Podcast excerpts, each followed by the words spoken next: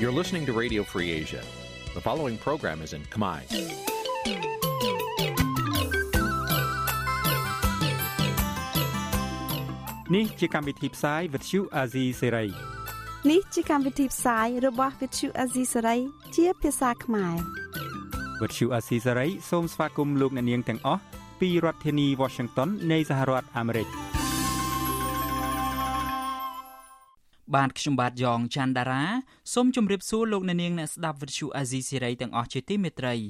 ខ្ញុំបាទសូមជូនកម្មវិធីផ្សាយសម្រាប់ព្រឹកថ្ងៃសៅរ៍8កើតខែចេឆ្នាំថោះបញ្ញស័កពុទ្ធសករាជ2567ត្រូវនឹងថ្ងៃទី27ខែឧសភាគ្រិស្តសករាជ2023បាទជាដំបូងនេះសូមអញ្ជើញអស់លោកអ្នកនាងស្ដាប់ព័ត៌មានប្រចាំថ្ងៃដែលមានមេត្តាដូចតទៅ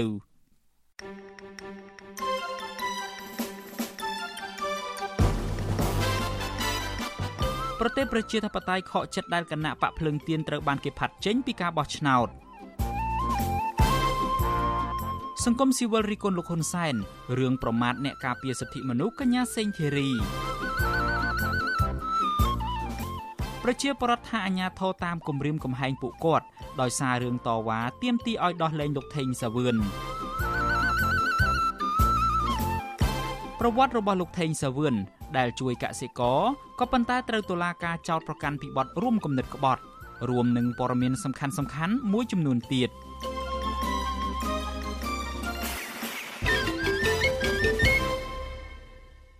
បាទជាបន្តទៅទៀតនេះខ្ញុំបាទយ៉ងច័ន្ទដារាសូមជូនព័ត៌មានទាំងនេះពឺស្ដាកសិករតាមបណ្ដាខេត្តមួយចំនួនដែលកំពុងធ្វើយុទ្ធនាការទាមទារឲ្យរដ្ឋាភិបាលដោះលែងលោកថេងសាវឿននិងសហការីរបស់លោកពីររូបទៀតនោះអះអាងថា ពួកគាត់ត្រូវបានអាជ្ញាធរមូលដ្ឋានខាត់រថយន្តថតរូបនិងសួរនាំជាដើមមន្ត្រីសង្គមស៊ីវិលចាត់ទុកថាសកម្មភាពរបស់អាជ្ញាធរមូលដ្ឋាននេះបានរំលោភទៅលើសិទ្ធិជាមូលដ្ឋានរបស់ប្រជាពលរដ្ឋបាទលោកទីនសាការីយ៉ារាយការណ៍ពឹស្ដារអំពីរឿងនេះកសិករជាង100នាក់ដែលបន្តសកម្មភាពទាមទារអរដ្ឋាភិបាលដោះលែងលោកថេងសាវឿននិងលោកឋានហាច់នៅថ្ងៃទី26ឧសភាអះអាងថា ពួកគាត់និងសមាជិកសហគមន៍តាមបណ្ដាខេត្តនានាត្រូវអាជ្ញាធរមូលដ្ឋានហាមឃាត់មិនឲ្យធ្វើដំណើរមកកាន់ទីក្រុងភ្នំពេញក្នុងយុទ្ធនាការទាមទារតវ៉ានេះទេពជាកសិករដែលឡើងមកតាមបណ្ដាខេត្តនានានោះបានតវ៉ានៅមុខក្រសួងមហាផ្ទៃនិងតាមដងផ្លូវនានាក្នុងរាជធានីភ្នំពេញកសិករដែលឡើងមកតវ៉ាអស់រយៈពេលមួយអាទិត្យនេះបានចាប់ផ្ដើមដោយកសិករជាង200នាក់និងថយចុះមកនៅត្រឹមប្រមាណជា100នាក់ ដោយពួកគេអះអាងថាអាជ្ញាធរបានហាមឃាត់រថយន្តពួកគាត់មិនឲ្យធ្វើដំណើរមកភ្នំពេញ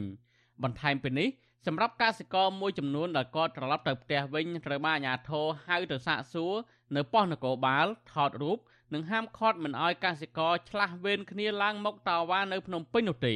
បរតមកពីឃុំត្រពាំងជោខេត្តកំពង់ស្ពឺលោកសុនសុក បានឲ្យដឹងថាកាលពីថ្ងៃទី21និង22អូសភា មានកងកម្លាំងនគរបាលចុះទៅដល់ផ្ទះលោក និងបានរសាកសួរពីគម្រោងរបស់លោកឡើងមកភ្នំពេញជាមួយសហគមន៍ដទៃទៀត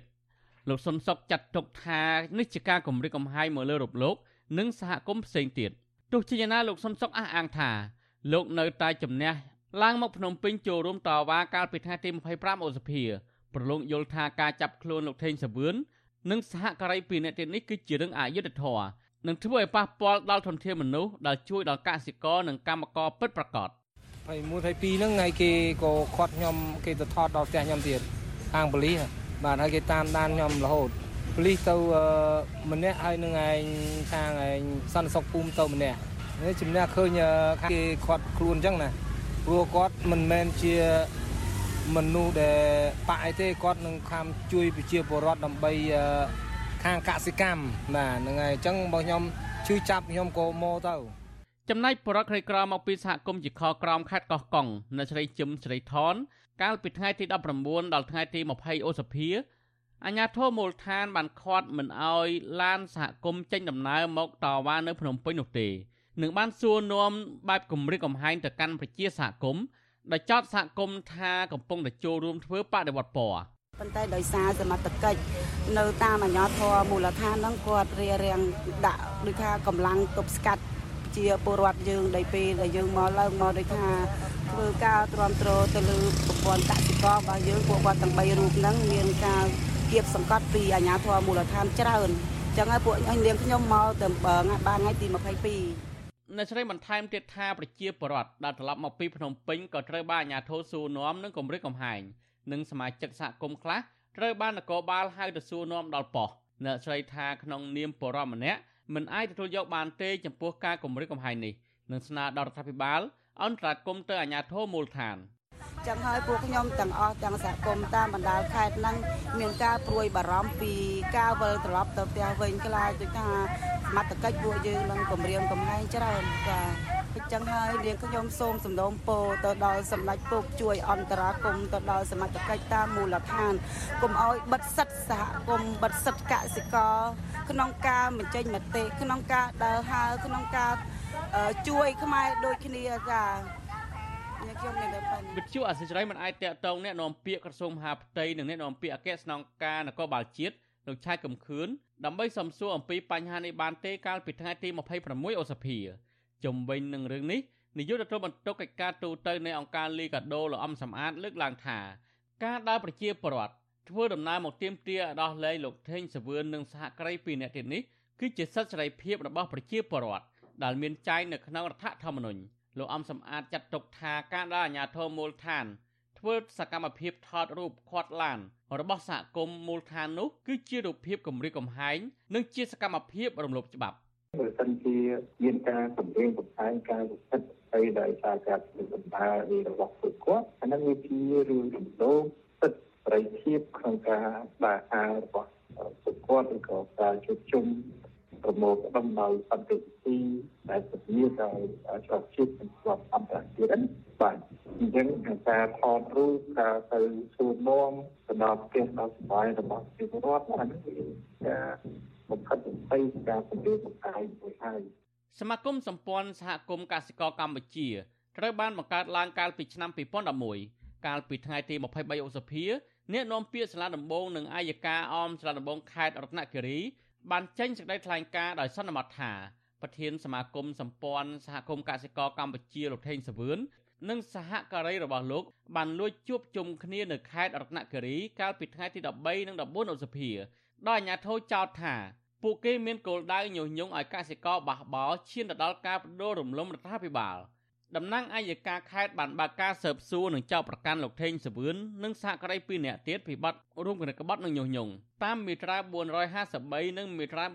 495នៃក្រមព្រហ្មទណ្ឌតុលាការបានសម្រេចឃុំខ្លួនលោកថេងសវឿននិងសហការី2នាក់ទៀតបណ្ដោះអាសន្ននៅពន្ធនាគារខេត្តរតនគិរីកាលពីថ្ងៃទី26ឧសភា ឆ្នាំ2023ស្នងការរងរាជធានីភ្នំពេញលោកប៊ុនសុសេខាបានដឹកនាំកងកម្លាំងនគរបាលចុះទៅឆែកឆេរការិយាល័យសមាគមសម្ព័ន្ធសហគមន៍កសិករកម្ពុជារបស់លោកថេងសវឿននិងបានចេញដីកាបិទការិយាល័យសមាគមនេះថែមទៀតផងទាក់ទងនឹងបញ្ហានេះអ្នកខ្លាំមើលសិទ្ធិមនុស្សជាតិអន្តរជាតិបានថ្កោលទោសអាជ្ញាធរដែលចាប់ខ្លួនលោកថេងសវឿននិងអះអាងថាតឡាការខេត្តរតនគិរីចាប់ប្រកាន់អ្នកទាំង3និងជាការគំរាមកំហែងអង្គការសង្គមស៊ីវិល ខ្ញុំធីនសាការីយ៉ាអស៊ីសេរីប្រធានីវ៉ាស៊ីនតោនលោកអ្នកនាងជាទីមេត្រីលោកថេងសាវឿនគឺជាអ្នកការពារសិទ្ធិមនុស្សដ៏សកម្មម្នាក់ដែលលះបង់ពេលវេលា និងសេចក្តីសុខផ្ទាល់ខ្លួនដើម្បីធ្វើការងារលើកម្ពស់សិទ្ធិនិងជីវភាពរបស់ប្រជាកសិករនិងយុត្តិធម៌សង្គម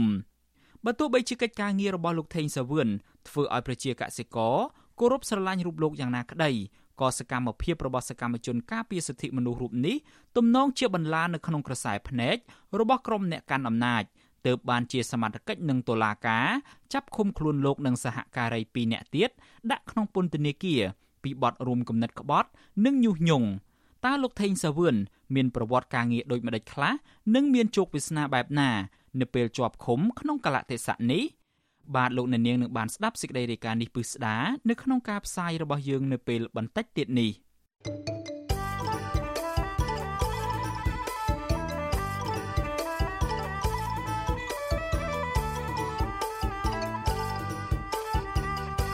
លោកអ្នកនាងកំពុងស្ដាប់ការផ្សាយរបស់ Vuthu Azizi Serai ពីរដ្ឋធានី Washington នៃសហរដ្ឋអាមេរិកពាក់ព័ន្ធទៅនឹងរឿងនយោបាយឯនេះវិញ លោកនាយរដ្ឋមន្ត្រីហ៊ុនសែនបានទម្លាក់កំហុសទាំងគ្មានភ័ស្តុតាងថា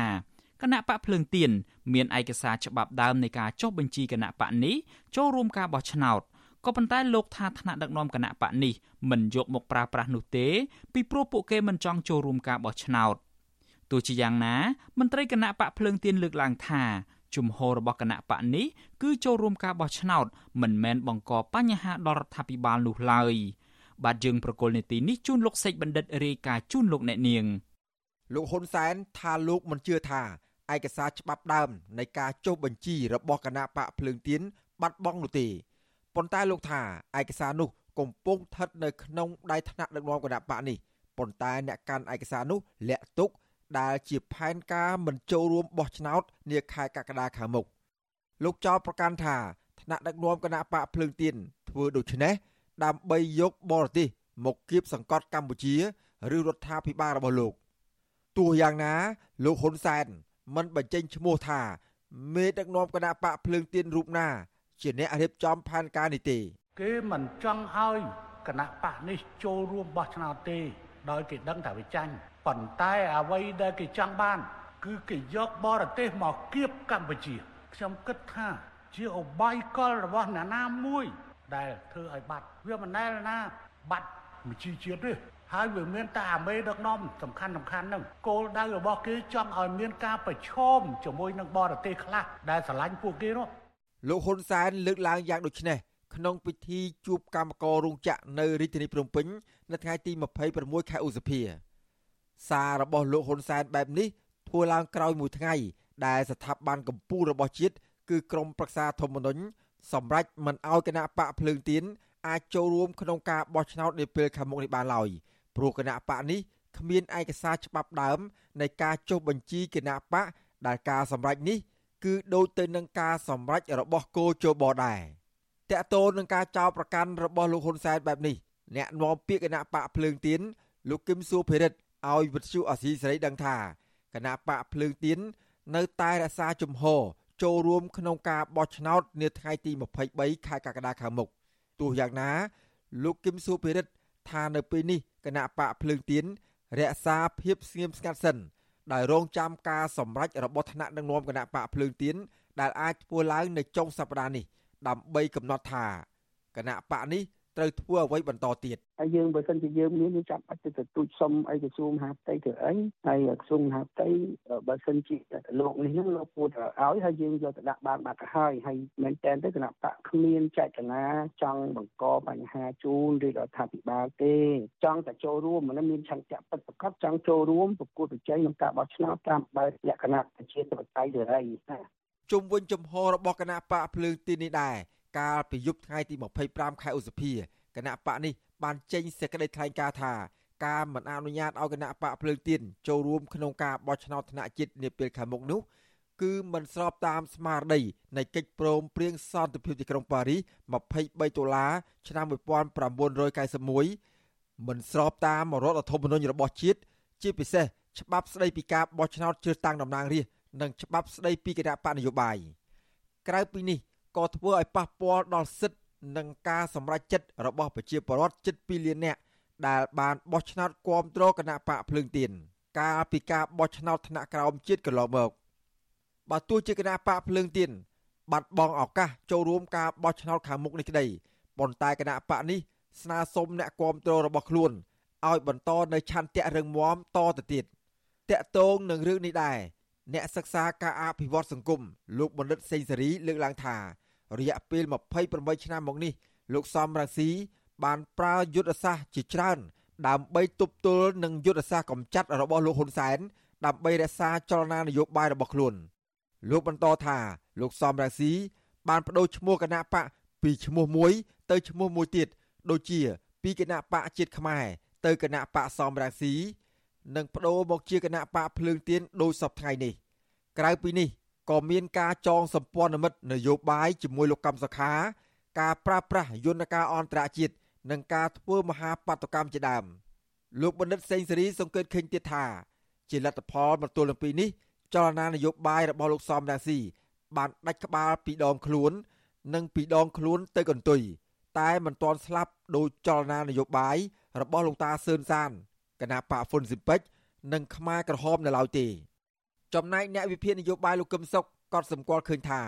ការចោទប្រកាន់របស់លោកហ៊ុនសែនពេលនេះគឺលោកហ៊ុនសែននិយាយទាំងមិនបានដឹងខ្លួនថាខ្លួនឯងនិយាយខុសព្រោះបើសំអាងទៅលើសម្ដីរបស់លោកហ៊ុនសែនគឺស្មើនឹងគណៈបកភ្លើងទៀនមានឯកសារគ្រប់គ្រាន់អាចចូលរួមការបោះឆ្នោតបាន លោកកឹមសុខថ្លែងឌឺដងទៅលោកហ៊ុនសែនថា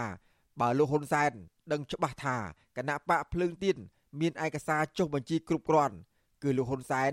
អាចប្រាប់ទៅកោចបអនុញ្ញាតឲ្យគណៈបកនេះអាចចូលរួមការបោះឆ្នោតបានលោកកឹមសុខបន្តទៀតថានេះជាល្បិចរបស់លោកហ៊ុនសែនដែលទម្លាក់កំហុសទៅលើមេដឹកនាំគណៈបកភ្លើងទៀនព្រោះពេលនេះរដ្ឋាភិបាលលោកហ៊ុនសែននិងគយជបកំពុងរងសម្ពាធពីសហគមន៍អន្តរជាតិ លោកហ៊ុនសែនគ្រាន់តែឲ្យក្រសួងមហាផ្ទៃផលិតឯកសារទទួលស្គាល់សិទ្ធិរបស់គណៈបកភ្លើងទៀនចុះបញ្ជីចូលរួមបោះឆ្នោតទៅឲ្យកោជបនិងក្រុមប្រឹក្សាធម្មនុញ្ញទទួលស្គាល់ទៅចាប់បាត់ទៅហើយលោកសំរងសេអាណាទៅអាចខ្ទាស់បានពីព្រោះក្រសួងមហាផ្ទៃគឺជាអង្គការរដ្ឋនៃរដ្ឋាភិបាលដែលមានភារកិច្ចផលិតឯកសារគតិយុត្តសម្រាប់ប្រើប្រាស់គណៈបកភ្លើងទៀនគឺជាគណៈបកក្រៅរដ្ឋាភិបាលទី1ដែលទទួលបានសម្លេងគាំទ្រពីពលរដ្ឋច្រើនជាងគេ ក្នុងការបោះឆ្នោតជ្រើសរើសក្រុមប្រឹក្សាឃុំសង្កាត់ឆ្នាំ2022កន្លងទៅនេះក្រុមប្រឹក្សាធម្មនុញ្ញនិងកោជបដែលស្ថិតនៅក្រោមអធិបុលគណៈបកកណ្ដាលអំណាចសម្រាប់បិទមិនឲ្យគណៈបកភ្លើងទៀនចូលរួមការបោះឆ្នោតនាពេលខាងមុខនេះគណៈប្រទេសក្បែរខាងកម្ពុជា ក្នុងតំបន់អាស៊ានបដូរមេដឹកនាំតាមរយៈការបោះឆ្នោត គឺប្រទេសទាំងនោះសុទ្ធតែគណៈបកប្រឆាំងឈ្នះការបោះឆ្នោត លើគណៈបកកាន់អំណាច ខ្ញុំបាទសេកបណ្ឌិតវិទ្យុអាស៊ីសេរីពីរដ្ឋធានីវ៉ាស៊ីនតោនបាទលោកនាងជាទីមេត្រីតកតងទៅនឹងរឿងគណៈបកភ្លើងទៀនមិនអាចចូលរួមប្រកួតប្រជែងនៅក្នុងការបោះឆ្នោតនេះដែរក្រមប្រទេសនិយមប្រជាធិបតេយ្យនាំគ្នាបញ្ចេញប្រតិកម្មមិនពេញចិត្តចំពោះការរៀបរៀងគណៈបកភ្លើងទៀនមិនឲ្យចូលរួមការបោះឆ្នោតជ្រើសតាំងតំណាងរាស្ត្រនៅក្នុងខែកក្កដាខាងមុខនេះក្រមប្រទេសទាំងនោះ ទទូចដល់រដ្ឋាភិបាលលោកហ៊ុនសែនឲ្យងាកមុខគន្លងប្រជាធិបតេយ្យនិងការគោរពសិទ្ធិមនុស្សឡើងវិញបាទអ្នកវិភាគប្រមានថារដ្ឋាភិបាលរបស់លោកហ៊ុនសែននឹងទទួលរងសម្ពាធធ្ងន់ធ្ងរពីសហគមន៍អន្តរជាតិបន្ថែមទៀតបាទលោកនៅវណ្ណរិនរាយការណ៍ពីស្ដារព័ត៌មាននេះជូនលោកអ្នកនាងរដ្ឋាភិបាលនៃប្រទេសប្រជាធិបតេយ្យធំធំបានសម្ដែងការខកចិត្តនិងក្តីបារម្ភជាបន្តបន្ទាប់នៅសប្តាហ៍នេះ ចំពោះការធ្លាក់ចុះធ្ងន់ធ្ងរនៃលទ្ធិប្រជាធិបតេយ្យនៅកម្ពុជា បន្ទាប់ពីក្រុមប្រឹក្សាធម្មនុញ្ញនិងគណៈកម្មាធិការជាតិរៀបចំការបោះឆ្នោតកោជបបដិសេធការចុះឈ្មោះបោះឆ្នោតសកលរបស់គណៈបកភ្លើងទៀនរដ្ឋាភិបាលជប៉ុន លើកឡើងថាជប៉ុនកំពុងពិនិត្យតាមដានដោយយកចិត្តទុកដាក់ពីស្ថានភាពនយោបាយនៅកម្ពុជា នៅមុនការបោះឆ្នោតជាតិខែកក្កដាខាងមុខ ស្ថានទូតជប៉ុនបញ្ជាក់ថាខ្លួនគ្រប់គ្រងលទ្ធិប្រជាធិបតេយ្យនៅកម្ពុជាតាមរយៈកិច្ចសន្ទនាជាមួយរដ្ឋាភិបាលកម្ពុជាគណៈបកកណ្ដាលអំណាចគណៈបកប្រឆាំងអង្គការសង្គមស៊ីវិលនិងគ្រប់ភាគីពាក់ព័ន្ធទាំងអស់ដោយបានបញ្ចេញទស្សនៈដោយស្មោះត្រង់និងផ្ដល់ជំនួយដល់កម្ពុជាជាបន្តបន្ទាប់ចំណែករដ្ឋាភិបាលអង់គ្លេសបានបង្ហាញពីជំហរខកចិត្តយ៉ាងខ្លាំងដែលគណៈបកភ្លើងទៀនមិនអាចចូលរួមប្រគល់ប្រជែងការបោះឆ្នោតជាតិខាងមុខ អ្នកនាំពាក្យស្ថានទូតអង់គ្លេសប្រចាំកម្ពុជា លោក Chris Williamson ប្រាប់វិទ្យុអាស៊ីសេរីតាមអ៊ីមែលនៅថ្ងៃទី26ឧសភាថាការសម្រេចចិត្តរបស់ក្រុមប្រឹក្សាធម្មនុញ្ញនិងគណៈកម្មាធិការជាតិរៀបចំការបោះឆ្នោតកោជបដែលបដិសេធការចុះឈ្មោះបោះឆ្នោតរបស់គណៈបកភ្លើងទៀនគឺជាការបិទសិទ្ធិសេរីភាព និងជំរឿសរបស់ប្រជាពលរដ្ឋខ្មែរដែលជាម្ចាស់ឆ្នោត លោក Chris Williamson បញ្ជាក់ថារដ្ឋាភិបាលអង់គ្លេសមិនគ្រប់គ្រងបុគ្គលនយោបាយណាមួយឡើយក៏ប៉ុន្តែអង់គ្លេសគ្រប់គ្រងដល់ពលរដ្ឋកម្ពុជា និងសង្ឃឹមមុតមមថាប្រជាពលរដ្ឋកម្ពុជា មានសិទ្ធិជ្រើសរើសគណៈបកនយោបាយដែលខ្លួនពេញចិត្តហើយស្ថានទូតអង់គ្លេសប្រចាំកម្ពុជានឹងបន្តធ្វើការជាមួយរដ្ឋាភិបាលកម្ពុជាគណៈបកប្រឆាំងនិងអង្គការសង្គមស៊ីវិលដើម្បីលើកស្ទួយលទ្ធិប្រជាធិបតេយ្យនៅប្រទេសនេះស្រដៀងគ្នានេះដែរ រដ្ឋាភិបាលប្រទេសអូស្ត្រាលីក៏បង្ហាញក្តីព្រួយបារម្ភយ៉ាងខ្លាំងដែលគណៈបកភ្លើងទៀនជាគណៈបកប្រឆាំងដ៏ធំមួយមិនអាចឈរឈ្មោះសម្រាប់ការបោះឆ្នោតជ្រើសតាំងតំណាងរាស្ត្រនៅពេលខាងមុខអូស្ត្រាលីថាលទ្ធិប្រជាធិបតេយ្យសេរីពហុបកគឺតម្រូវឲ្យមានលំហនយោបាយការគោរពច្បាប់និងស្ថាប័នរដ្ឋនានាហើយត្រូវអនុញ្ញាតឲ្យគ្រប់គណៈបកអាចចូលរួមនឹងប្រកួតប្រជែងដោយយុត្តិធម៌នៅថ្ងៃបោះឆ្នោតជាតិខែកក្កដាខាងមុខ ប្រកាសដែលគណៈបកណាមួយមិនអាចចុះបញ្ជីឈរឈ្មោះសម្រាប់ការបោះឆ្នោតមិនមែនជាលទ្ធិប្រជាធិបតេយ្យនៅកម្ពុជានោះទេចំណែកប្រទេសមហាអំណាចអាមេរិកក៏ព្រមានពីការធ្លាក់ចុះធ្ងន់ធ្ងរនៃលំហប្រជាធិបតេយ្យនៅក្នុងប្រទេសកម្ពុជាដែរហើយបានប្រកាសធ្វើពហិការមិនបញ្ជូនអ្នកអង្កេតការរបស់ខ្លួនទៅឃ្លាំមើលការបោះឆ្នោតជាតិខែកក្កដាដែលអ្នកជំនាញឯករាជ្យនិងអន្តរជាតិជាច្រើនវិយតម្លៃថាមិនសេរី ឬយុត្តិធម៌នោះទេ អ្នកនាំពាក្យក្រសួងការបរទេសសហរដ្ឋអាមេរិកលោក Matthew Millers លើកឡើងនៅក្នុងសេចក្តីប្រកាសព័ត៌មានចុះថ្ងៃទី25ឧសភាថាសកម្មភាពគម្រាមកំហែងការយាយីដែលបង្កឡើង និងការចោទប្រកាន់ពីបទឧក្រិដ្ឋនានាដោយហេតុផលនយោបាយទៅលើគណៈបកប្រឆាំងប្រព័ន្ធផ្សព្វផ្សាយឯករាជ្យនិងសង្គមស៊ីវិលកំពុងបំផ្លាញការបដិញ្ញាចិត្តរបស់កម្ពុជាជាអន្តរជាតិនៅក្នុងការអភិវឌ្ឍលទ្ធិប្រជាធិបតេយ្យសេរីពហុបកនៅកម្ពុជា។ មន្ត្រីជាន់ខ្ពស់នៃក្រសួងការបរទេសអាមេរិកដដែលក៏បានជំរុញឲ្យអាជ្ញាធរកម្ពុជា ផ្លាស់ប្តូរគោលជំហរឡើងវិញដើម្បីធានាឲ្យពលរដ្ឋខ្មែរអាចចូលរួមនៅក្នុងរបបលទ្ធិប្រជាធិបតេយ្យសេរីពហុបកស្របតាមរដ្ឋធម្មនុញ្ញនិងការអនុវត្តសិទ្ធិមនុស្សរបស់ពលរដ្ឋដោយសេរីរួមទាំងសេរីភាពនៅក្នុងការបង្កើតសមាគមការជួបជុំប្រមូលផ្ដុំដោយសន្តិវិធី និងការបញ្ចេញមតិដោយគ្មានភាពភ័យខ្លាចចំពោះការសងសឹក ឆ្លើយតបទៅនឹងប្រតិកម្មជាបន្តបន្ទាប់ពីប្រទេសប្រជាធិបតេយ្យធំធំ និងអង្គការសង្គមស៊ីវិលលោកហ៊ុនសែននិងមន្ត្រីរបស់ខ្លួនថាមូលហេតុដែលកោជបនិងក្រុមប្រឹក្សាធម្មនុញ្ញសម្រេចមិនអោយគណៈបកភ្លើងទៀនចុះបញ្ជីចូលរួមការបោះឆ្នោតជ្រើសតាំងតំណាងរាស្ត្រនាពេលខាងមុខគឺជាកំហុសរបស់គណៈបកភ្លើងទៀនផ្ទាល់ ថ្លែងនៅក្នុងពិធីជួបជុំជាមួយកម្មកររោងចក្រក្នុងរាជធានីភ្នំពេញលោកហ៊ុនសែនលើកឡើងថាវាជាចេតនាមួយរបស់គណៈបកភ្លើងទៀនដែលធ្វើឲ្យបាត់បង់គុលបញ្ជីដើមរបស់គណៈបកដែលជាឯកសារគោលនៅក្នុងការចុះបញ្ជីគណៈបកចូលរួមការបោះឆ្នោតជាតិខែកក្កដាឆ្នាំ2023គោលដៅរបស់គេដែលខ្ញុំវិភាគនៅកន្លែងនេះ គេមិនចង់ឲ្យគណៈបកនេះចូលរួមបោះឆ្នោតទេដោយគេដឹងថាវាចាញ់ ប៉ុន្តែអ្វីដែលគេចង់បាន គឺគេយកបរទេសមកគៀបកម្ពុជាគៀបកម្ពុជា វាមិនដែលម៉ែអាណាគ្រាន់តែមជីជាតិមួយស្លឹកហើយធ្វើឲ្យបាត់ទេវាមិនដែលវាគ្មានបាត់ទៅណាទេប៉ុន្តែវាលាក់វាមានគោលដៅនយោបាយរបស់វាជាលាក់គោលដៅរបស់វាជាលាក់ថោកទាបថោកទាបមិនមែនអ្នកនៅទីក្រុងភ្នំពេញទេខ្ញុំសុំទោសអ្នកនៅទីក្រុងភ្នំពេញគឺ ព្រោះអានេះចុះជីតាំងពី95 95 95 96តាំងអីជាតិខ្មែរតាំងពីស្អីស្អីឯណាមកនោះក្រុមប្រឹក្សាធម្មនុញ្ញកាលពីថ្ងៃទី25ឧសភាបានសម្រេចយល់ស្របតាមគណៈកម្មាធិការជាតិរៀបចំការបោះឆ្នោតដែលបដិសេធមិនទទួលស្គាល់ឯកសារសុំចុះបញ្ជីចូលរួមការបោះឆ្នោតរបស់គណៈបកភ្លើងទៀនលោកប្រាជ្ញច័ន្ទប្រធានកោជបបានបញ្ជាក់ក្នុងសេចក្តីសម្រេចការពីថ្ងៃទី15ឧសភាថា ការបដិសេធនេះគឺដោយសារតែគណៈបកភ្លើងទៀនមិនបានភ្ជាប់ប្រកាសស្តីពីការចុះឈ្មោះគណៈបកនយោបាយនៅក្រសួងមហាផ្ទៃដែលមានបញ្ជាក់និច្ចានុគោលកម្មដោយរដ្ឋបាលរាជធានីខេត្តក្រុងស្រុកខណ្ឌឲ្យបានត្រឹមត្រូវ ទោះយ៉ាងណាក្រសួងមហាផ្ទៃកាលពីថ្ងៃទី5ឧសភាឆ្នាំ2023បានទទួលស្គាល់គណៈបកភ្លើងទៀនដោយបញ្ជាក់ថាគណៈបកប្រឆាំងមួយនេះជាគណៈបកស្របច្បាប់បានចុះបញ្ជីជាមួយក្រសួងមហាផ្ទៃ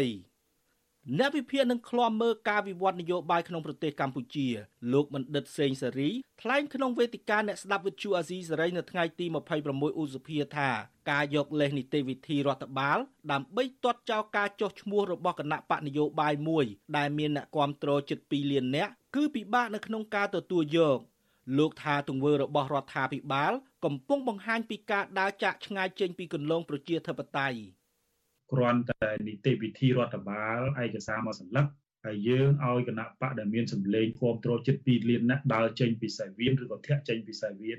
វាវាជារឿងមួយដែលពិបាកទទួលយកបានណាស់នៅក្នុងសង្គមប្រជាធិបតេយ្យទោះបីជាមិនមានរដ្ឋធម្មនុញ្ញមាត្រាណាមួយចែងច្បាស់ថាត្រូវតែមានគណៈបកប្រឆាំងឬក៏មិនគណៈបកប្រឆាំងក៏ដោយក៏ប៉ុន្តែសម្រាប់ខ្ញុំខ្ញុំយល់ថានៅក្នុងសង្គមប្រជាធិបតេយ្យការប្រកួតប្រជែងរវាងគណៈបកនយោបាយដែលមានកម្លាំងប្រហាក់ប្រហែលគ្នា គឺជាប្រជាធិបតេយ្យមួយដែលមានភាពស្រស់បំព្រងជាប្រជាធិបតេយ្យមួយដែលគ្រប់គ្នាមានមោទនភាពជាមួយនឹងដំណើរអនុវត្តប្រជាធិបតេយ្យនៅប្រទេសនោះស្រដៀងគ្នានេះដែរអ្នកវិភាគនយោបាយលោកកឹមសុខប្រមានរដ្ឋាភិបាលលោកហ៊ុនសែននិងរដ្ឋសភាថានឹងអាចទទួលរងសម្ពាធដ៏ធ្ងន់ធ្ងរមួយពីក្រមប្រទេសប្រជាធិបតេយ្យនៅក្រៅការបោះឆ្នោតជាតិតំណាងរាស្ត្រខែកក្កដាខាងមុខដែលគ្មានគណៈបកភ្លើងទៀនចូលរួម។ គោលបំណងរបស់លោកហ៊ុនសែនគ្មានអ្វីក្រៅតែពីព្យាយាមដោះសារពីព្រោះដោះស្រាយមិនចេញណាកាលណាដោះស្រាយមិនចេញមានតែដោះសារដោះសារដោយសារតែចំណងនយោបាយនឹងវាសម្លាប់មុខឆ្លើយមិនរួចនឹងសហគមន៍អន្តរជាតិហើយសម្ពាធរបស់សហគមន៍អន្តរជាតិធ្ងន់ណាស់រំលាយគណៈបកសង្គ្រោះជាតិហើយ បិទគណៈបកភ្លើងទៀនទៀតយើងចាំមើលទំងន់នឹងធ្លាក់មកជាបន្តបន្ទាប់លើរដ្ឋាភិបាលនិងរដ្ឋសភាក្រោយការបោះឆ្នោតហើយមិនស្រាលនោះទេខ្ញុំអាចនិយាយប៉ុណ្ណឹងសិនណាកន្លងទៅសហភាពអឺរ៉ុបក៏បានប្រមានកាត់ប្រព័ន្ធអនុគ្រោះពន្ធ EBA បន្ថែមទៀតប្រសិនបើរដ្ឋាភិបាលលោកហ៊ុនសែនមិនស្ដារលទ្ធិប្រជាធិបតេយ្យនិងការគោរពសិទ្ធិមនុស្សនោះទេ ចំណែកសហរដ្ឋអាមេរិកក៏បានប្រកាសមិនបន្តប្រព័ន្ធអនុគ្រោះពន្ធទូទៅឬ GSP របស់អាមេរិកដល់កម្ពុជាផងដែរហើយប្រទេសធំធំដែលធ្លាប់បញ្ជូនអ្នកឃ្លាំមើលការបោះឆ្នោតមកកម្ពុជាក៏បានប្រកាសបដិសេធមិនបញ្ជូនអ្នកអង្កេតការរបស់ខ្លួនជាបន្តបន្ទាប់ដោយសារតែការបោះឆ្នោតនាពេលខាងមុខត្រូវបានគេមើលឃើញថាជាការបោះឆ្នោតមិនគោរពតាមលទ្ធិប្រជាធិបតេយ្យនិងក្លែងបន្លំ។ ខ្ញុំបាទនៅវណ្ណរិន With Chu Azizi Saray ពីរដ្ឋធានី Washington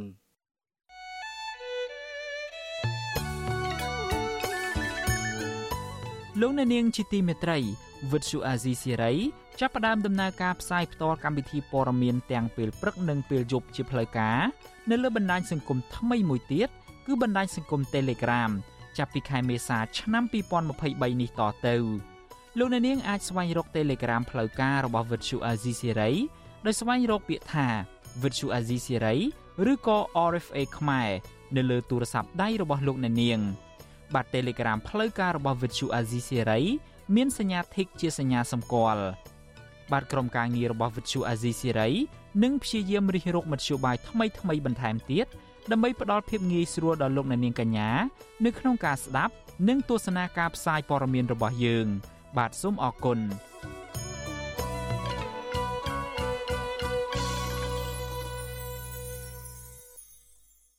បាទលោកអ្នកនាងជាទីមេត្រីតកតងទៅនឹងរឿងអ្នកជាប់ឃុំនយោបាយឯណោះវិញមន្ត្រីគណៈបកប្រឆាំងនិងសង្គមស៊ីវិលចាត់ទុកសម្ដីអសរោះរបស់លោកហ៊ុនសែនមិនស័ក្តិសមជាមេដឹកនាំនិងបង្ហាញគំរូអាក្រក់ដល់សង្គមបាទការប្រតិកម្មរិះគន់នេះ គឺបន្ទាប់ពីលោកហ៊ុនសែនបានជេរប្រមាថសកម្មជនសិទ្ធិមនុស្សនិងជាអ្នកជំនាញផ្នែកច្បាប់អន្តរជាតិកញ្ញាសេងធីរីដែលតស៊ូមតិនិងធ្វើកោតកម្មដោយសន្តិវិធីនៅក្នុងពន្ធនាគារកន្លងទៅបាទអ្នកស្រីម៉ៅសុធានីរាយការណ៍ពឹស្ដារអំពីរឿងនេះបាទទោះបីបរដ្ឋមានសិទ្ធិពេញលេញក្នុងការប្រមូលផ្ដុំគ្នាសម្ដែងមតិ ផ្អែកលើមូលដ្ឋានច្បាប់កម្ពុជានិងច្បាប់អន្តរជាតិជាច្រើនក្តីក៏លោកហ៊ុនសែនព្យាយាមចាប់ប្រកាន់អ្នកចេញតវ៉ាឬក៏អ្នកធ្វើកតកម្មដោយសន្តិវិធី ដើម្បីទាមទារយុត្តិធម៌កន្លងមក ថាធ្វើឲ្យប៉ះពាល់ស្ថិរភាពនៅក្នុងប្រទេសទៅវិញលោកហ៊ុនសែនថែមទាំងប្រើប្រាស់វេទិកាសាធារណៈប្រមាថកិត្តិយសរបស់កញ្ញាសេងធីរី ដែលត្រូវអាជ្ញាធរចាប់ខ្លួនដាក់ពន្ធនាគារនៅខេត្តព្រះវិហារ ថ្លែងនៅក្នុងពិធីសម្ដែងសម្ដាលជាមួយកម្មករនៅថ្ងៃទី26ខែឧសភា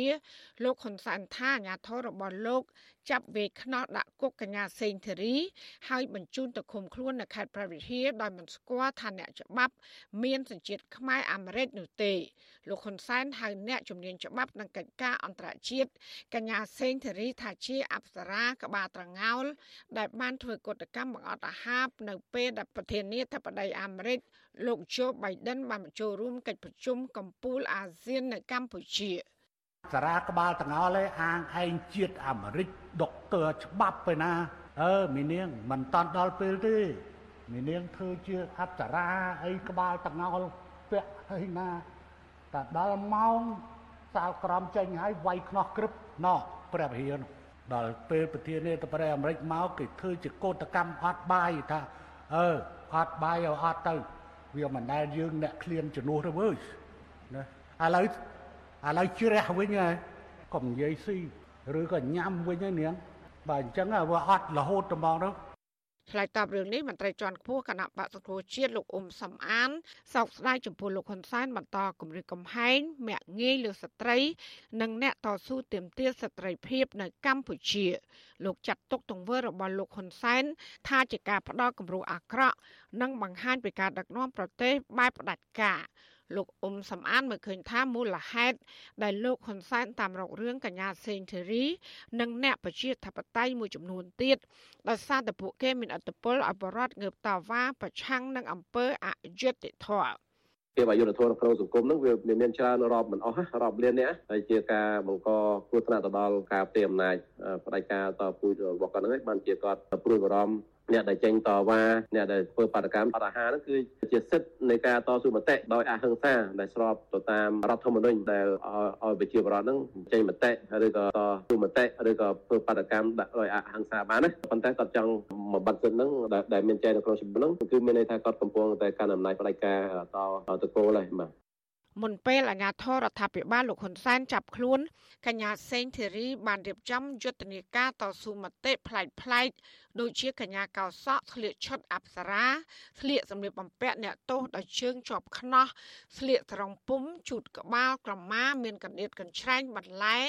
និងស្លៀកសម្លៀកបំពាក់រូបពណ៌សកាន់ចិញ្ចៀនតំណាងឲ្យស្ត្រីយុត្តិធម៌ជាដើម។ សកម្មភាពតស៊ូមតិនេះគឺដើម្បីឆ្លើយតបទៅនឹងប្រព័ន្ធតុលាការដែលស្ថិតក្រោមអ្នកនយោបាយកញ្ញាធ្លាប់បញ្ជាក់ថាកញ្ញាបានដឹងច្បាស់ក្នុងចិត្តថាអាញាធរលោកហ៊ុនសែននឹងចាប់ខ្លួនក៏ប៉ុន្តែដើម្បីបបផាតសិទ្ធិមនុស្សប្រជាធិបតេយ្យនិងយុត្តិធម៌សង្គមកញ្ញាមិនខ្លាចនឹងធ្វើពលិកម្មនោះឡើយ ទោះបីកញ្ញាបាត់បង់សេរីភាពក្តី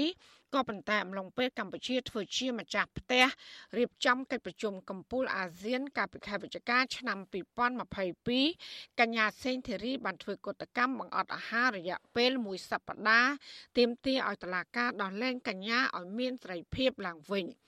ជុំវិញរឿងនេះដែរប្រធានសមាគមការពារសិទ្ធិមនុស្សអាត6លោកនីសុខាមានប្រសាសន៍ថាភាពក្លាហានរបស់កញ្ញាសេងធីរីគួរតែទទួលបានការកោតសរសើរនិងលើកទឹកចិត្ត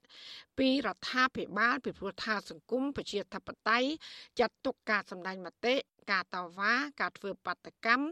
ការធ្វើកតកម្មដោយអហិង្សាគឺជាការអនុវត្តសិទ្ធិដែលធានាដោយច្បាប់កម្ពុជារបស់ជាតិ ខ្ញុំយល់ឃើញថារដ្ឋាភិបាលគួរតែស្ដាប់នៅអ្វីដែលជាការទៀមទារបស់គាត់យកទៅធ្វើការពិចារណាជៀសវាងជៀសជាងការទុយប្រអាក់ នៅការទៀមទារបស់គាត់ហើយហៅថានិយាយក្នុងន័យលេបខាយឬក៏ក្នុងន័យមិនផ្ដល់តម្លៃណាបាទខ្ញុំគិតថានឹងវាមិនត្រឹមត្រូវទេមិនមិនទាន់មានមិនមែនជាប្រទេសយើងដែលគោរពនៅសេរីភាពរបស់បុគ្គលទេបាទព្រោះបុគ្គលម្នាក់ម្នាក់គេមានសិទ្ធិមានសេរីភាពសិទ្ធិនៅក្នុងការរស់នៅសិទ្ធិនៅក្នុងការសេចក្តីថ្លៃថ្នូរឬក៏សិទ្ធិនៅក្នុងការធ្វើសេរីភាពធ្វើសកម្មភាពផ្សេងផ្សេងដែលមិនមិនខុសទៅនឹងច្បាប់នឹង សមត្ថកិច្ចក្រុងភ្នំពេញបានចាប់ខ្លួនកញ្ញាសេងធីរី កាលពីថ្ងៃទី14ខែមិថុនាឆ្នាំ2022នៅខាងមុខតុលាការក្រុងភ្នំពេញក្រោយដែលតុលាការបានប្រកាសសាលក្រមកាត់ទោសឲ្យកញ្ញាជាប់ពន្ធនាគារ6ឆ្នាំពីបទចោទរួមគំនិតក្បត់ក្នុងសំណុំរឿងវល់ចូលស្រុកវិញរបស់លោកសំរងស៊ីកាលពីឆ្នាំ2019 មួយថ្ងៃបន្ទាប់មកតឡាកាក៏បានបញ្ជូនកញ្ញាទៅឃុំខ្លួននៅឯពន្ធនាគារខេត្តព្រះវិហាររហូតមកដល់បច្ចុប្បន្នកន្លងទៅសហគមន៍ជាតិនិងអន្តរជាតិជាពិសេសសហរដ្ឋអាមេរិកបានថ្កោលទោសរដ្ឋាភិបាលលោកហ៊ុនសែនជាបន្តបន្ទាប់ដោយចាត់ទុកការឃុំខ្លួនកញ្ញាសេងធីរី ថាជាការរំលោភបំពានសិទ្ធិមនុស្សហើយទាមទាររដ្ឋាភិបាលលោកហ៊ុនសែនដោះលែងកញ្ញាឲ្យមានត្រីភាពឡើងវិញដោយឥតលក្ខខណ្ឌ ចានាងខ្ញុំម៉ៅសុធានីវិទ្យុអសីស្រីប្រធានាធិបតី Washington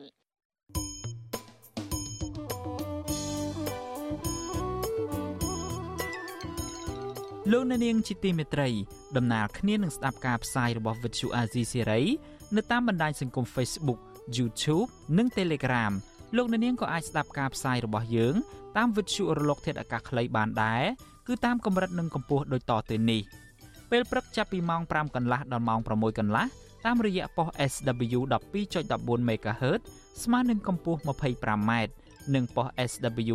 13.71 MHz ស្មើនឹងកម្ពស់ 22m ពេលយប់ចាប់ពីម៉ោង7កន្លះដល់ម៉ោង8កន្លះតាមរយៈប៉ុស SW 9.33 MHz ស្មើនឹងកម្ពស់ 32m ប៉ុស SW 11.88 MHz ស្មើនឹងកម្ពស់ 25m និងប៉ុស SW 12.14 MHz ស្មើនឹងកម្ពស់ 25m បាទសូមអរគុណ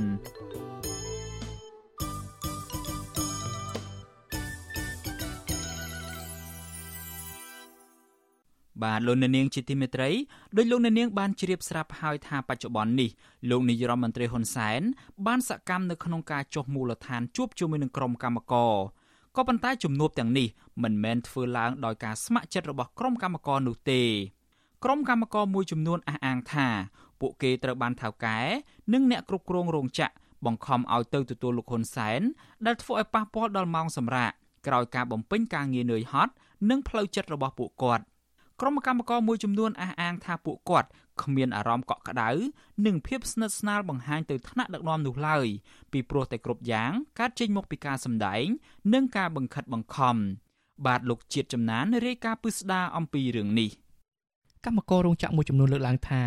ពួកគាត់រងការគៀបសង្កត់និងបង្ខិតបង្ខំដោយតកែនិងអ្នកគ្រប់គ្រងរោងចក្រដែលបង្ខំឲ្យទៅទទួលលោកហ៊ុនសែនដែលរៀបចំពិធីជួបសំណេះសំណាលជាមួយកម្មករកាលពីព្រឹកថ្ងៃទី26ខែឧសភា នៅតំបន់សេដ្ឋកិច្ចពិសេសរយ៉ាគ្រប់ភ្នំពេញ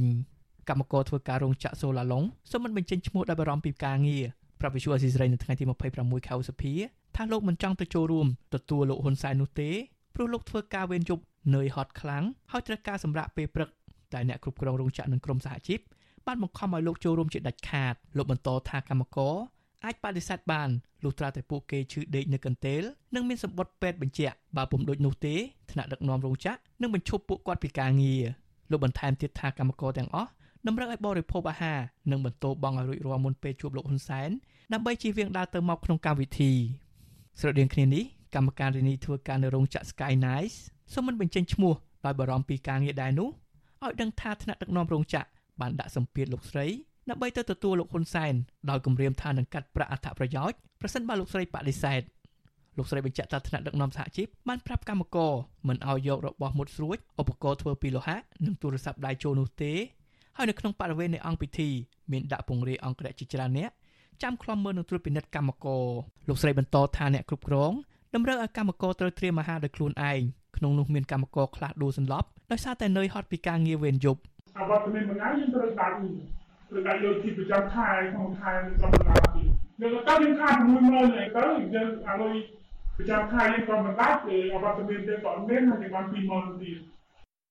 កម្មករយល់ថាការដាក់សម្ពាធរបស់ពួកគាត់នេះទំនងដោយសារតែរោងចក្រទទួលសម្ពាធពីក្រមអាជ្ញាធររដ្ឋាភិបាលដែរព្រឹត្តិកម្មនេះធ្វើឡើងបន្ទាប់ពីលោកនាយករដ្ឋមន្ត្រីហ៊ុនសែនកាលពីថ្ងៃទី26ខែឧសភាបានទៅជួបកម្មករនយោជិតដែលធ្វើការនៅរោងចក្រក្នុងតំបន់សេដ្ឋកិច្ចពិសេសរយ៉ាគ្រប់ភ្នំពេញ ក្នុងពេលដែលលោកហ៊ុនសែនទៅដល់រោងពិធីក្រុមកម្មករកម្មការនីដែលអង្គុយជួរមុខបានក្រោកឈរទទួលលើកដៃសំពះថតរូប selfie និងអោបរឹតស្វាគមន៍លោកហ៊ុនសែនយ៉ាងកក់ក្ដៅប៉ុន្តែខុសពីទស្សនវិជ្ជានៅជួរខាងមុខដែលគេរៀបចំទុកកម្មករភាគច្រើនដែលអង្គុយនៅខាងក្រោយខ្លះមានទឹកមុខស្រពោនដោយសារតែអស់កម្លាំងបន្ទាប់ពីធ្វើការពេញមួយយប់និងដោយសារតែមានការយាមកាមតឹងរឹងពិបាកចេញចូលនិងខ្លះឃ្លានអាហារជាដើមកម្មករទាំងនោះត្អូញត្អែថា លុយ20000រៀលដែលពួកគេបានពីការចូលរួមពិធីនោះមិនអាចទិញការសម្រាកនិងភាពនឿយហត់របស់ពួកគេបាននោះឡើយនៅក្នុងពិធីចោះជួបកម្មករនេះលោកហ៊ុនសែនមិនបាននិយាយពីបញ្ហាបិទទ្វាររោងចក្រការកាត់បន្ថយការបញ្ជាទិញផលិតផលវិញ្ញាណភ័ណ្ឌនិងការដកប្រព័ន្ធអនុគ្រោះពន្ធនោះឡើយដោយលោកហ៊ុនសែនផ្ដោតទៅសំខាន់តែលើការឃោសនារកសម្លេងឆ្នោតតែប៉ុណ្ណោះដោយសារកត្តាសន្តិភាពស្ថិរភាពនយោបាយដែលយើងមានផ្ដល់ឱកាសឲ្យយើងតាក់ ទាញវិនិយោគទាំងក្នុងប្រទេសនិងក្រៅប្រទេសមកផលិតនៅក្នុងប្រទេសរបស់យើងនេះហើយបំរើឲ្យការនាំចេញក្រៅពីដាក់សម្ពាធកម្មករនោះក្រុមអាជីវករលក់ដូរក៏ទទួលរងសម្ពាធនិងបាត់បង់ចំណូលដែរដោយសារតែអាជ្ញាធរបានបង្ខំឲ្យពួកគាត់ផ្អាកលក់ដូរនៅតំបន់ដែលលោកហ៊ុនសែនចុះទៅជួបកម្មករដើម្បីប្រយោជន៍នយោបាយផ្ទាល់ខ្លួននោះប្រធានសហភាពការងារកម្ពុជាលោកអាតធុនមានប្រសាសន៍ថាកម្មករមានសិទ្ធិសម្រេចចិត្តក្នុងការទៅជួបថ្នាក់ដឹកនាំឬមិនទៅ ហើយថ្នាក់ដឹកនាំរោងចក្រគ្មានសិទ្ធិបង្ខំកម្មករនោះឡើយតែយ៉ាងណាលោកអាត់ថុនយល់ឃើញថាលោកនាយករដ្ឋមន្ត្រីគួរតែយកឱកាសទៅជួបកម្មករនេះស្ដាប់ពីទុកលំបាកនិងបញ្ហាផ្សេងៗរបស់ពួកគេដើម្បីរកដំណោះស្រាយពោះបញ្ហាដែលរដ្ឋាភិបាលត្រូវដោះស្រាយទីមួយគឺការទូទាត់លុយកាក់អីទៅតាមច្បាប់បញ្ឈប់ការ គម្រាមកំហែងការបញ្ឈប់ការធ្វើកំបុកម្នេញបរិយោជកមកលើដំណើរសហជីពការផ្ដល់សិទ្ធិឲ្យកម្មករការទទួលបានការការពារធ្វើជាដំណើរសហជីពនិងដោះស្រាយបញ្ហាប្រឈមរបស់ពួកគេកម្មករភាគច្រើនយកឃើញថាលោកហ៊ុនសែនមកជួបសំណេះសំណាលជាមួយកម្មករពួកគេ5ឆ្នាំម្ដងនិងឲ្យលុយ20000រៀលនេះគឺគ្រាន់តែជាការឃោសនារកសម្លេងឆ្នោតតែប៉ុណ្ណោះគឺគ្រាន់ដើម្បីឃោសនារកសញ្ញាឆ្នោតតែប៉ុណ្ណោះក្រុមកម្មករបន្តថាបើទោះបីជាលោកហ៊ុនសែនប្រើវិធីលួងលោមយ៉ាងណាក្តី ក៏ពួកគេមិនភ្លេចនោះទេចំពោះរដ្ឋាភិបាលដែលមិនជួយដំឡើងថ្លៃឈ្នួលឲ្យកម្មករនិងដោះស្រាយវិវាទការងាររបស់ពួកគេជាមួយថៅកែដូចជាការរំលោភសិទ្ធិការងារនិងទូទាត់ប្រាក់សំណងក្រោយបញ្ឈប់ពីការងារលើសពីនេះកម្មករក៏មិនពេញចិត្តចំពោះទង្វើដែលរដ្ឋាភិបាលមិនខ្វល់ខ្វាយការបាត់បង់ប្រព័ន្ធអន្តរពន្ធ EVA ពីសហភាពអឺរ៉ុបដែលនាំឲ្យប៉ះពាល់ដល់ការងាររបស់កម្មករឡើយខ្ញុំបាទជាចំណាន Visual ស៊ីស្រីប្រធានាទី Washington បាទលោកអ្នកនាងជាទីមេត្រីឆ្លៀតនៅក្នុងឱកាសនេះដែរខ្ញុំបាទសូមជម្រាបជូនលោកអ្នកនាងថាវិទ្យុអាស៊ីសេរីនឹងចាប់ផ្ដើមចេញផ្សាយកម្មវិធី podcast កម្ពុជាសប្តាហ៍នេះជាលើកដំបូងនៅរៀងរាល់ព្រឹកថ្ងៃសៅរ៍ម៉ោងនៅកម្ពុជានៃសប្តាហ៍នីមួយៗចាប់ពីពេលនេះតទៅ បាទកម្មវិធី podcast នេះរៀបចំដោយនាយកនិងនាយករងនៃកម្មវិធី Vithu Azizi Serai ជាភាសាខ្មែរគឺលោកសំពូលីនិងលោកជុនច័ន្ទបុត បាទសូមប្រិយមិត្តស្វែងរក និងស្ដាប់ podcast របស់យើងនៅលើកម្មវិធី podcast របស់ Apple, Google និង Spotify ដោយគ្រាន់តែសរសេរពាក្យថា កម្ពុជាសប្តាហ៍នេះឬ Cambodia This Week នៅក្នុងប្រអប់ស្វែងរកបាទយើងក៏នឹងចាក់ផ្សាយកម្មវិធី podcast នេះឡើងវិញនៅក្នុងកម្មវិធីផ្សាយផ្ទាល់របស់យើងនៅតាមបណ្ដាញសង្គម Facebook, YouTube និង Telegram នៅរៀងរាល់យប់ថ្ងៃច័ន្ទម៉ោងនៅកម្ពុជា បាទសូមអរគុណ thank you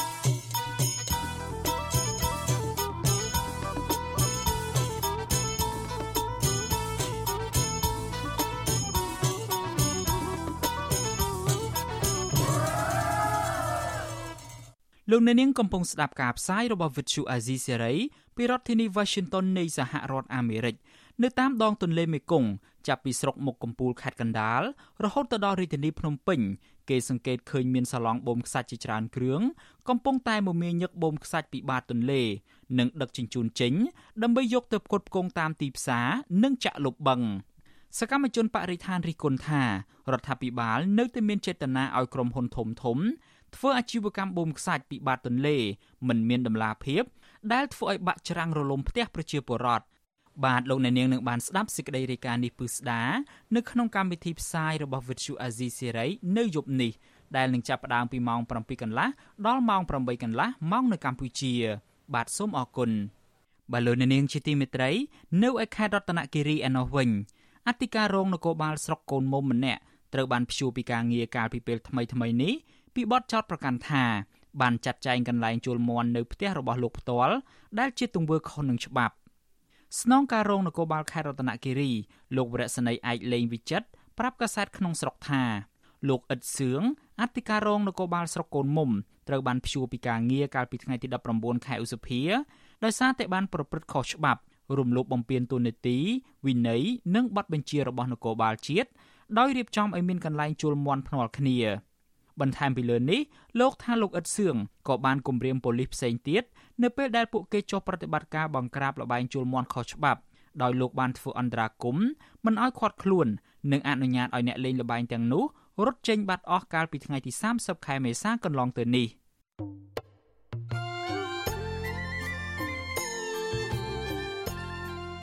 លោកអ្នកនាងជាទីមេត្រី នៅក្នុងឱកាសនេះដែរខ្ញុំបាទសូមថ្លែងអំណរគុណដល់លោកអ្នកនាងកញ្ញាទាំងអស់ ដែលតែងតែមានភក្ដីភាពចំពោះការផ្សាយរបស់យើងហើយចាត់ទុកការស្ដាប់វិទ្យុអាស៊ីសេរីគឺជាផ្នែកមួយនៃសកម្មភាពប្រចាំថ្ងៃរបស់លោកអ្នកនាងគឺការគ្រប់គ្រងរបស់លោកអ្នកនាងនេះហើយដែលធ្វើឲ្យយើងខ្ញុំមានទឹកចិត្តកាន់តែខ្លាំងក្លាថែមទៀតនៅក្នុងការស្វែងរកនិងផ្តល់ព័ត៌មានជូនលោកអ្នកនាងមានអ្នកស្ដាប់អ្នកទស្សនាកាន់តែច្រើនកាន់តែធ្វើឲ្យយើងខ្ញុំមានភាពស្វាហាប់មោះមុតជាបន្តទៅទៀតយើងខ្ញុំសូមអរគុណទុកជាមុនហើយសូមអញ្ជើញលោកអ្នកនាងកញ្ញាទាំងអស់ ចូលរួមជំរុញឲ្យសកម្មភាពផ្តល់ព័ត៌មានយើងនេះកាន់តែជោគជ័យបន្ថែមទៀតលោកអ្នកនាងអាចជួយយើងខ្ញុំបានដោយគ្រាន់តែចុចចែករំលែកឬមួយក៏ Share ការផ្សាយរបស់យើងនៅលើបណ្ដាញសង្គម Facebook និង YouTube ទៅកាន់មិត្តភ័ក្តិដើម្បីឲ្យការផ្សាយរបស់យើងបានទៅដល់មនុស្សកាន់តែច្រើន បាទសូមអរគុណ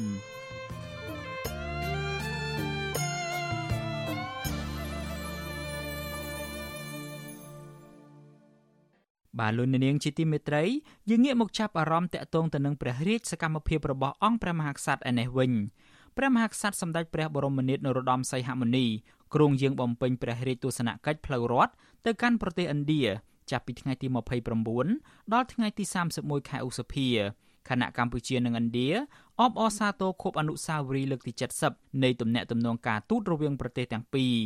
សេចក្តីប្រកាសព័ត៌មានរបស់ក្រសួងការបរទេសកម្ពុជាកាលពីថ្ងៃទី26ខែឧសភាឲ្យដឹងថាព្រះរាជទស្សនកិច្ចរបស់ព្រះអង្គគឺដើម្បីពង្រឹងទំនាក់ទំនងយូរអង្វែងនិងបង្កើនកិច្ចសហប្រតិបត្តិការទៅលើផ្នែកវប្បធម៌សាសនា និងប្រវត្តិសាស្ត្ររួមដើម្បីជាប្រយោជន៍សម្រាប់ប្រជាជាតិនៃប្រទេសទាំងពីរក្នុងអំឡុងពេលព្រះរាជទស្សនកិច្ចនេះព្រះមហាក្សត្រទ្រង់សពព្រះតីរាជានុញ្ញាតជួបពិភាក្សាជាមួយប្រធានាធិបតីឥណ្ឌា លោក Drupadi Murmu នាយករដ្ឋមន្ត្រីឥណ្ឌាលោក Narendra Modi និងមន្ត្រីជាន់ខ្ពស់មួយចំនួនទៀតដើម្បីពិភាក្សាស្ដីពីកិច្ចសហប្រតិបត្តិការទ្វេភាគីនៃប្រទេសទាំងពីរព្រះមហាក្សត្រក៏នឹងយាងដាក់កម្រងផ្កាគោរពវិញ្ញាណក្ខន្ធនៅមណ្ឌលអនុស្សាវរីយ៍មហាថ្មគុន្ធីផងដែរនេះគឺជាលើកដំបូងហើយដែលព្រះមហាក្សត្រខ្មែរព្រះបរមនាថនរោត្តមសីហមុនីយាងទៅប្រទេសឥណ្ឌា បន្ទាប់ពីប្របីតារបស់ព្រះអង្គគឺព្រះបរមរតនកោដ្ឋនរោត្តមសីហនុដែលបានយាងទៅប្រទេសឥណ្ឌាកាលពី60ឆ្នាំមុនទិន្នន័យរបស់អង្គការសហប្រជាជាតិ UNCOMTRADE បង្ហាញថាឥណ្ឌានាំចេញទំនិញមកកម្ពុជាមានទឹកប្រាក់ចំនួនជិត230លានដុល្លារកាលពីអំឡុងឆ្នាំ2022ក៏ប៉ុន្តែទំនិញដែលកម្ពុជានាំចេញទៅលក់នៅប្រទេសឥណ្ឌាវិញ មានចំនួន120លានដុល្លារកាលពីអំឡុងឆ្នាំ2021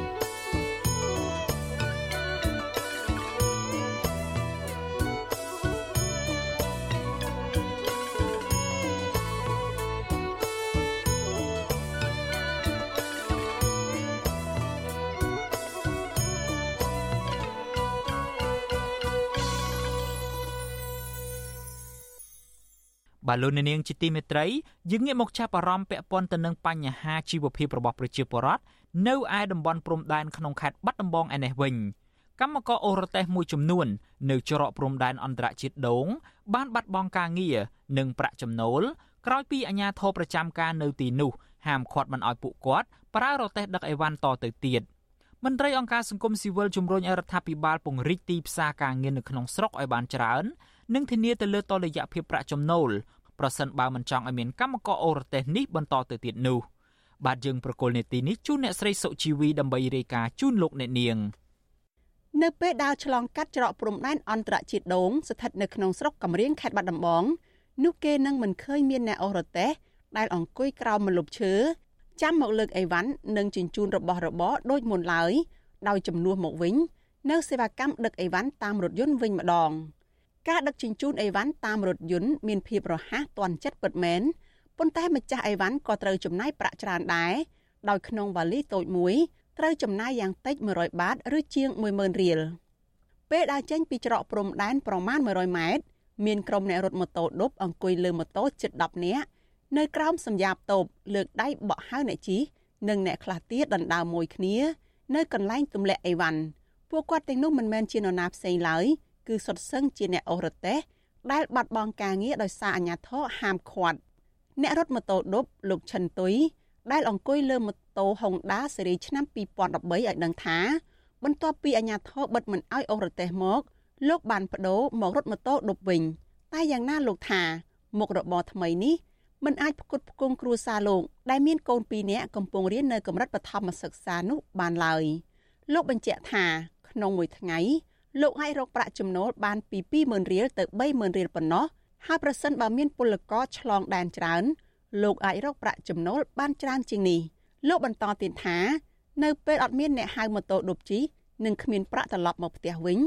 លោកបានឆ្លៀតទៅស៊ីឈ្នួលលីអេវ៉ាន់ឆ្លងដែនចំណែកប្រពន្ធរបស់លោកបានទៅស៊ីឈ្នួលដកដំឡូងដើម្បីយកប្រាក់មកដោះស្រាយជីវភាព ច្រើនដែរបងប្អូនរត់ទៅដល់ពួកអ្នកអូតែមុនរត់ច្រើនដែរហើយគេខ្លះទៅគេទៅស្រុកគេខ្លះទៅអ្នកខ្លះទៅនៅលីវ៉ាន់ខ្លះទៅបានដែរប៉ុន្តែចំណូលវាបានតិចវាបានធ្លាក់វ៉ាន់មួយឡានទៅបាន200ជាងហ្នឹង250បាតអីហ្នឹងបន្ទាប់ពីបាត់បង់មុខរបរអូររទេះកម្មករខ្លះនៅតែបន្តមុខរបរនេះដោយការផ្លាស់ប្ដូរវិធីពីការដឹកតាមរទេះមកលីយួរឬកណ្ដៀតអីវ៉ាន់ឆ្លងកាត់ព្រំដែនខ្លះទៀត បដូរមុខរបរមករត់ម៉ូតូឌុបនិងមួយចំនួនទៀតស៊ីឈ្នួលលើកអីវ៉ាន់ដកដំឡូងនិងកាច់ពោតនៅតាមចំការទោះជាយ៉ាងណាមុខរបរថ្មីនេះមិនអាចឲ្យពួកគាត់រកប្រាក់ចំណូល បានដូចមុខរបរចាស់នោះទេកម្មករអូរតេសម្នាក់ទៀតនៅច្រកព្រំដែនអន្តរជាតិដងលោកនិលរ៉ាប្រាប់វិទ្យុអាស៊ីសេរីថាលោកបានបោះបង់រទេះអូសនោះចោលហើយបដូរមកស៊ីឈ្នួលលីសែងទំនិញនិងរថម៉ូតូឌុប ដើម្បីរកប្រាក់ដោះស្រាយជីវភាពលោកបន្តថាការបដូរមកប្រើកម្លាំងលីសែងដោយផ្ទាល់បែបនេះកាន់តែធ្វើឲ្យលោកមានសុខភាពទ្រុឌទ្រោម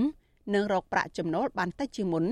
ដោយសារមិនសូវមានអ្នកហៅឲ្យលីអីវ៉ាន់ទោះបីជាលោកយកថ្លៃឈ្នួលទាបជាងឈ្នួលដឹកតាមឡានក៏ដោយលោកបន្ថែមថាដោយសារតែប្រាក់ចំណូលធ្លាក់ចុះកូនស្រីរបស់លោកពីរនាក់បានបោះបង់ការសិក្សាថ្នាក់អនុវិទ្យាល័យដើម្បីជួយរកលុយទប់ទល់ជីវភាពគ្រួសារ ពុំគ្រប់ទេបងអើយរាល់ថ្ងៃជីវភាពខ្ញុំបើថ្ងៃនេះបាន40000ហើយហត់ខ្លាំងទៀតមួយជើងមួយជើងយើងលីទៅទៅដល់រត់ចិត្តទេបងអើយតាមកម្លាំងសុទ្ធទៅដល់អ្នកអូរតេះខ្លះបានទុករតេះដែលធ្លាប់អូសកំសត់កម្រជាមួយគ្នាចោលនៅមុខផ្ទះហាលខ្យល់ហាលភ្លៀងឲ្យវត្តដោះពាត់និងមានច្រេះស៊ីហើយមិនបានបដូរទៅមុខរបរថ្មីឡើយដោយសារតែខ្វះលទ្ធភាព អ្នកអរទេសនៅច្រកដងលោកជាបច័ន្ទដែលពិការជើងម្ខាងនិងវ័យកាន់តែចាស់ផងនោះរៀបរាប់ថាលោកមិនបានប្រកបមុខរបរផ្សេងនោះទេ ដោយសារលោកពិការនិងគ្មានដើមទុនសម្រាប់រកស៊ីលោកបន្តថាកាលនៅអរទេសលោកអាចដឹកអីវ៉ាន់បានចំណូលខ្លះគ្រាន់ដោះស្រាយជីវភាពប៉ុន្តែចាប់តាំងពីអាញាធរច្រកព្រំដែនឈប់ឲ្យអរទេសមកធ្វើឲ្យលោកបាត់បង់ប្រាក់ចំណូលនិងខ្វះខាតក្នុងជីវភាព លោកប្រាប់ថាសប្តាហ៍លោករស់នៅអាស្រ័យប្រាក់បៀវត្សជនពិការក្នុងមួយខែ60ម៉ឺនរៀលហើយលោកត្រូវចាយត្បិតត្បៀតដើម្បីទុកប្រាក់ខ្លះសម្រាប់ព្យាបាលជំងឺ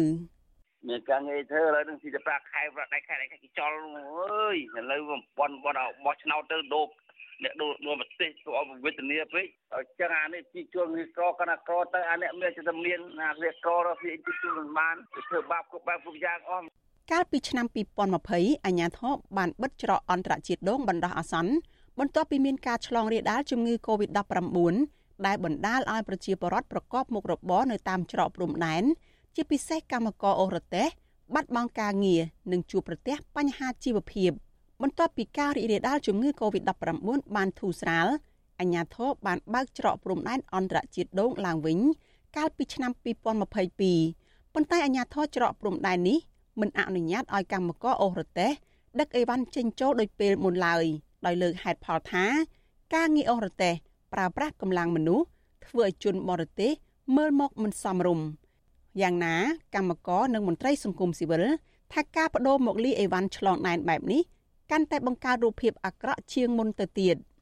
វិទ្យុអាស៊ីសេរីមិនអាចតាក់ទងមេប៉ុស្តិ៍ច្រកទ្វារអន្តរជាតិដងលោកផាត់វិរៈនិងអភិបាលស្រុកកំរៀងលោកសុកដែន ដើម្បីសុំការអធិប្បាយបន្ថែមបានទេ នៅថ្ងៃទី23ខែមេសាប្រធានសមាគមពង្រឹងសេដ្ឋកិច្ចក្រៅប្រព័ន្ធកម្ពុជា លោកដិនពុទ្ធីសង្កេតឃើញថា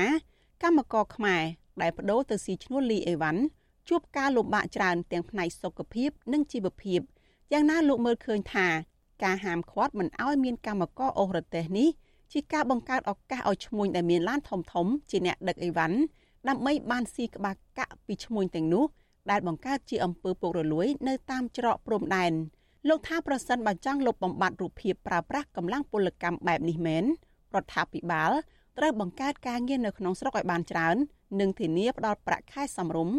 ដើម្បីទ្រទ្រង់ជីវភាពពួកគេក្រោយបោះបង់មុខរបរនេះ។ ហើយទីផ្សារការងារទលំទលាយទៅប្រជាពលរដ្ឋយើងគឺមិនសុខចិត្តទៅលីសែងនឿយហត់ដូចអល់ថ្ងៃហ្នឹងទេអញ្ចឹងណាប៉ុន្តែអ្វីដែលសំខាន់ណាយើងឃើញថាទីផ្សារការងាររបស់យើងវាចង្អៀតមែនទែនទាំងកម្មករនៅក្នុងស្រុកហ្នឹងគឺស្វែងរកការងារធ្វើលំបាកបើទទួលបានប្រាក់កម្រៃនេះតិចតួចកន្លងទៅ នៅច្រកទ្វារព្រំដែនអន្តរជាតិដងពលករមួយចំនួនតែងតែរិះគន់ថា មន្ត្រីនគរបាលអន្តោប្រវេសន៍និងគយដែលប្រចាំការនៅទីនោះប្រព្រឹត្តអំពើពុករលួយ យកលុយពីពលករឆ្លងដែននិងខົບខិតគ្នា បង្កើតក្រុមដឹកអីវ៉ាន់តាមរថយន្តទារប្រាក់នៅក្នុងតម្លៃថ្លៃដែលធ្វើឲ្យកម្មករអូរ៉ាតេស ជាច្រើនអ្នកបាត់បង់ការងារពលរដ្ឋដែលធ្លាប់ប្រកបរបរអូរ៉ាតេសស្នើឲ្យអាជ្ញាធរជួយសម្របសម្រួលដោយបង្កើតការងារនៅតាមច្រកព្រំដែនបន្ថែមទៀតដើម្បីឲ្យពួកគាត់អាចរស់នៅក្នុងជីវភាពសមរម្យបាន នាងខ្ញុំសុជីវីវិទ្យុអាស៊ីសេរី ពីរដ្ឋធានី Washington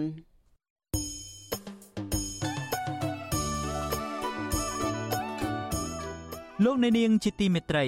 ក្រៅពីការតាមដានកម្មវិធីផ្សាយរបស់ Vuthu Azizi Serai នៅតាមបណ្ដាញសង្គម Facebook YouTube និង Telegram លោកអ្នកនាងក៏អាចតាមដានកម្មវិធីផ្សាយរបស់យើងនៅតាមរយៈបណ្ដាញ Instagram បានដែរតាមរយៈតំណ link ដែលមានអាសយដ្ឋាន www.instagram.com/rfa ខ្មែរអាស៊ីសេរីបន្តខិតខំផ្សព្វផ្សាយព័ត៌មានពិតទៅកាន់បងប្អូនតាមរយៈបណ្ដាញសង្គមផ្សេងៗនិងសម្បូរបែបដើម្បីឲ្យលោកអ្នកនាងងាយស្រួលតាមដានកម្មវិធីផ្សាយរបស់អាស៊ីសេរីគ្រប់ពេលវេលា និងគ្រប់ទីកន្លែងតាមរយៈទូរស័ព្ទរបស់លោកអ្នកនាង បាទសូមអរគុណ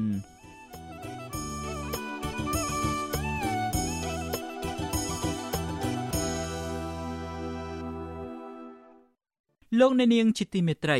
លោកថេងសាវឿនគឺជាអ្នកការពារសិទ្ធិមនុស្សដ៏សកម្មម្នាក់ដែលលះបង់ពេលវេលា និងសេចក្តីសុខផ្ទាល់ខ្លួនដើម្បីធ្វើការងារលើកម្ពុជាសិទ្ធិនិងជីវភាពរបស់ប្រជាកសិករនិងយុត្តិធម៌សង្គមបើទោះបីជាកិច្ចការងាររបស់លោកថេងសាវឿនធ្វើឲ្យប្រជាកសិករគោរពស្រឡាញ់រូបលោកយ៉ាងណាក្តី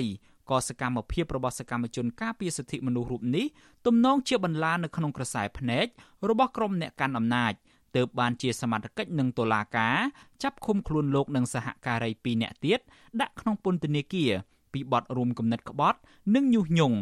តើលោកថេងសាវឿនមានប្រវត្តិការងារដូចម្ដេចខ្លះនិងមានជោគវាសនាបែបណា នៅពេលជាប់ឃុំក្នុងកលៈទេសៈនេះបាទលោកអ្នកនាងនឹងបានស្ដាប់សេចក្តីរាយការណ៍នេះពឹស្ដា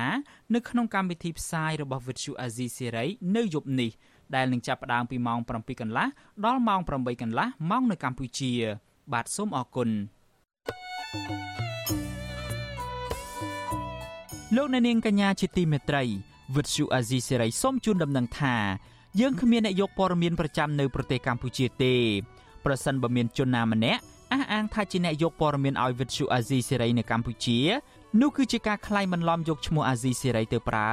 នៅក្នុងគោលបំណងទុច្ចរិតណាមួយរបស់បុគ្គលនោះតែប៉ុណ្ណោះបាទសូមអរគុណ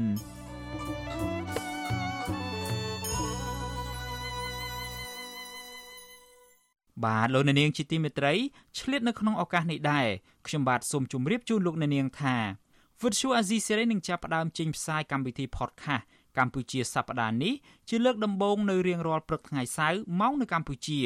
នៃសប្តាហ៍នីមួយៗចាប់ពីពេលនេះតទៅ បាទកម្មវិធី podcast នេះរៀបចំដោយនាយកនិងនាយករងនៃកម្មវិធី Vithu Azizi Serai ជាភាសាខ្មែរគឺលោកសំពូលីនិងលោកជុនច័ន្ទបត បាទសូមប្រិយមិត្តស្វែងរក និងស្ដាប់ podcast របស់យើងនៅលើកម្មវិធី podcast របស់ Apple, Google និង Spotify ដោយគ្រាន់តែសរសេរពាក្យថា កម្ពុជាសប្តាហ៍នេះឬ Cambodia This Week នៅក្នុងប្រអប់ស្វែងរក បាទយើងក៏នឹងចាក់ផ្សាយកម្មវិធី podcast នេះឡើងវិញនៅក្នុងកម្មវិធីផ្សាយផ្ទាល់របស់យើង នៅតាមបណ្ដាញសង្គម Facebook, YouTube និង Telegram នៅរៀងរាល់យប់ថ្ងៃច័ន្ទម៉ោងនៅកម្ពុជា បាទសូមអរគុណ